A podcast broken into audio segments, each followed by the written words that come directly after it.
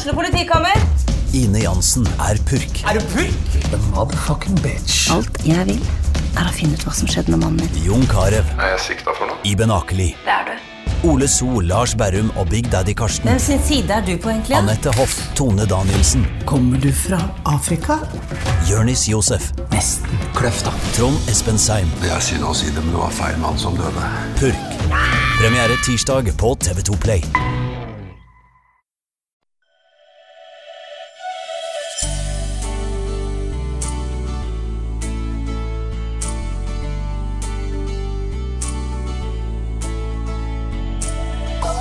Du hører på Sommerlyd, en podkast fra Tønsbergs Blad.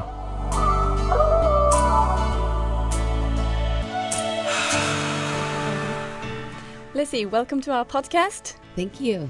How's life being back in Tønsberg? It's nice. We just um we left Oslo this morning. It was rainy and then we got here and the sun came out. So it's turning into a beautiful day and good to be I've been here many times, so it's always nice to visit. Yeah, it's nice to have you here. Um, a few days back or a few weeks back, you played at uh, Wembley, and uh, tonight it's uh, the Apple Orchard at uh, our pier. Yes. Yeah, no, I this is uh it's very different very different shows for sure.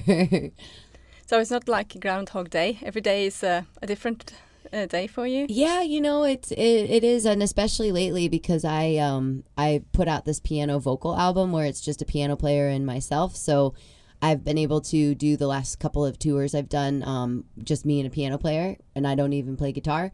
And then tonight I'm playing with my Norwegian band, like playing electric guitar, gonna rock out. So especially lately I've been mixing it up so much so that um, I get to really keep things kind of fresh and exciting and keeps me on my toes. How was the London crowd in Wembley? Oh, it was incredible. I was uh, I was actually supporting an artist named Jack Savoretti who had asked me personally to come out on this uh, UK tour he did, um, and so that was myself and a piano player, and I just sang. Um, and uh, Wembley, I don't know, that's like nine, ten thousand people, which is amazing, and was super, you know, happy for Jack that he that's such a milestone as an artist to play Wembley. Um, it's Wembley Arena. Uh, and so yeah it was it was incredible. Like we just my band actually joined me for that one um, in a kind of a stripped down context. Um, and we uh, just got up there and we played our hearts out and sang my heart out. And it, the crowd was great. They responded and um, hopefully made some new new fans. Um, it was on the big screen you know? So it's pretty cool. That's nice. Did, uh, did they know your songs? Did you sing your own songs? Yeah, I sang all my own songs. Some of the people did. I mean, when you play in that big of a place, you're so far from the crowd and you can't really see them. It's hard to know what they think, you know. Um, but I I could kind of hear some people singing along and uh, got the impression afterwards that there were people who like knew me and my songs. Yeah. so So is it? Uh, can, can you just look at the crowd and listen to the crowd and and then decide what country am I in?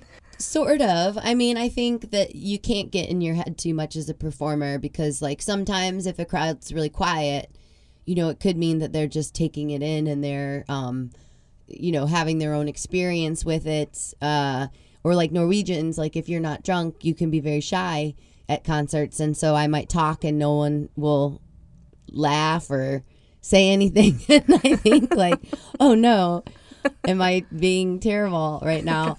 Um, but then it's different, like, say, on a weekend when people are getting kind of loose and partying, then that becomes like a whole different uh, crowd. Um, and uh, so, you know, same same goes for parts of the U.S. or you, the UK. I mean, you can't generalize, but um, yeah, there's different kinds of crowds, but you can't you can't get in your head because then you're thinking about the crowd and you're not thinking about performing and so you i as a performer just try to stay in the stay in the moment of singing the song So how do you prepare before a stage? i you know usually like the morning of the show wherever i am usually at a hotel or something i sort of quietly warm up my voice and you know like to um you know start my day take a shower warm up my voice while i'm getting ready um, a lot of times I have to be kind of quiet because I'm in a hotel and I don't want to disturb other people. Um, and then usually we get to the show, like today, we get here around one. Um, the band is loading our stuff onto the stage. I'll actually be sound checking in about 15, 20 minutes. Um, and then you kind of have some downtime, and then you eat a little food. Then I warm up my voice again, and then, um, you know, maybe have a glass of wine and uh, kind of just, you know, put on some makeup or something and try to brush my hair maybe, and then get up there and just go for it. Oh, that's nice. A lot of our listeners uh, remember you best from Sl- Slottsfjell Yes. and your performances there. Yeah, I've been fortunate. I've done it three times now. What's your best memory from uh, the past being in Tønsberg? Oh, I mean, there's so so many memories. I mean, the first time I did it in 2010, that's when I met Øystein Greni from Big Bang, and we've been friends ever since. We performed together, and um, uh, just like having a blast. Like afterwards, just meeting so many people and everyone being so nice, and that beautiful backstage, that house with the garden and um, nice food, and just like beautiful setup for making us comfortable. Um, at the one I did in 2013, I think it was, I sang Sola skinner uh, by Jokke, which I still have people remind me about that. And the sun coming out, like at every both both the first and second times I played, like there being a moment where like the clouds opened and the sun came out, and everyone was so happy about that. um, and uh, Norwegians and weather. It's like yeah. it's like being in Britain. We just all we talk about. Yeah, is the well, weather. you So- know, it's. I think it makes you appreciate the sun more, though. So that's always good. You know, you don't take anything for granted. Um, and then yeah, I was there two two years ago, and um, you know, also had a, just a beautiful time. So I can't really pick one favorite memory. uh, as you know, we don't have the festival this year. It's uh, Yeah. Mm-hmm. it's on a break, as we say. But uh, will you be back if uh, they're back next year? Oh well, if I'm if someone asks me to come, I would definitely come. We'll yeah. ask we'll ask them to ask Yeah, no, I have a friend who was like working with has worked with Slottsfjell for many years, and um, it sounds you know like it's gonna come back and be really cozy and nice again, and so I look forward to that. Um, and if they want me, I, I will absolutely come. Oh, that would be lovely.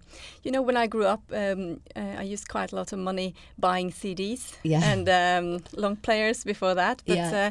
uh, uh, is uh, the extensive touring? Um, what does it have to say for the economy of being an artist right now?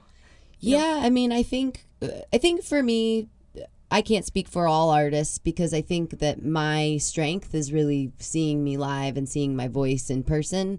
Um, even though I'm really proud of the r- albums I've made and the records I've made and stuff, I think a big part of my uh, s- talent lies in like my ability to sing in in real time with people in front of me, you know, um, because the performance is definitely like pulled from the audience, also their energy and stuff too. Um, I yeah, the constant touring is is a, a way of you know trying to get in front of more people, but also make a living. Uh, You know, you don't make as much off of CD sales and streams unless you're streaming like millions and millions and millions of streams. Um, you can't really probably live alone on your on your album sales, even if you are a successful artist. You know, so I guess I don't know. I I think when it says for the economy is just that it's yeah what it means to be a musician for your job. It's ch- changed what you maybe need to do. Um, but there's all kinds of ways of making a living as an artist. So you just kind of have to figure out the one that works best for you. I I stay busy partly because I just say yes to things and then it comes and I'm like, oh my gosh, I'm so busy. like it seems so here. far in the future. I thought that I was gonna have more time. Yeah, today's the day. Yeah. well, thank you very much for dropping by, Lissie. It's Oh, you're so welcome. Very lovely. Thank you. Yes, thank you.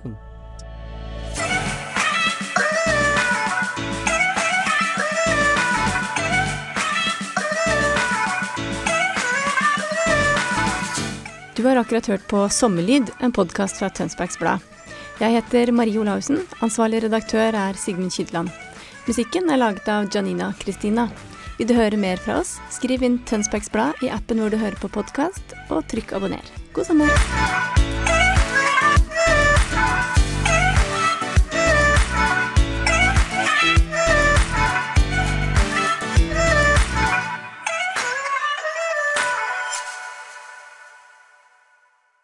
Har du et enkeltpersonforetak eller en liten bedrift? Da er du sikkert lei av å høre meg snakke om hvor enkelt det er med kvitteringer og bilag i fiken, så vi eh, gir oss her, vi. Fordi vi liker enkelt.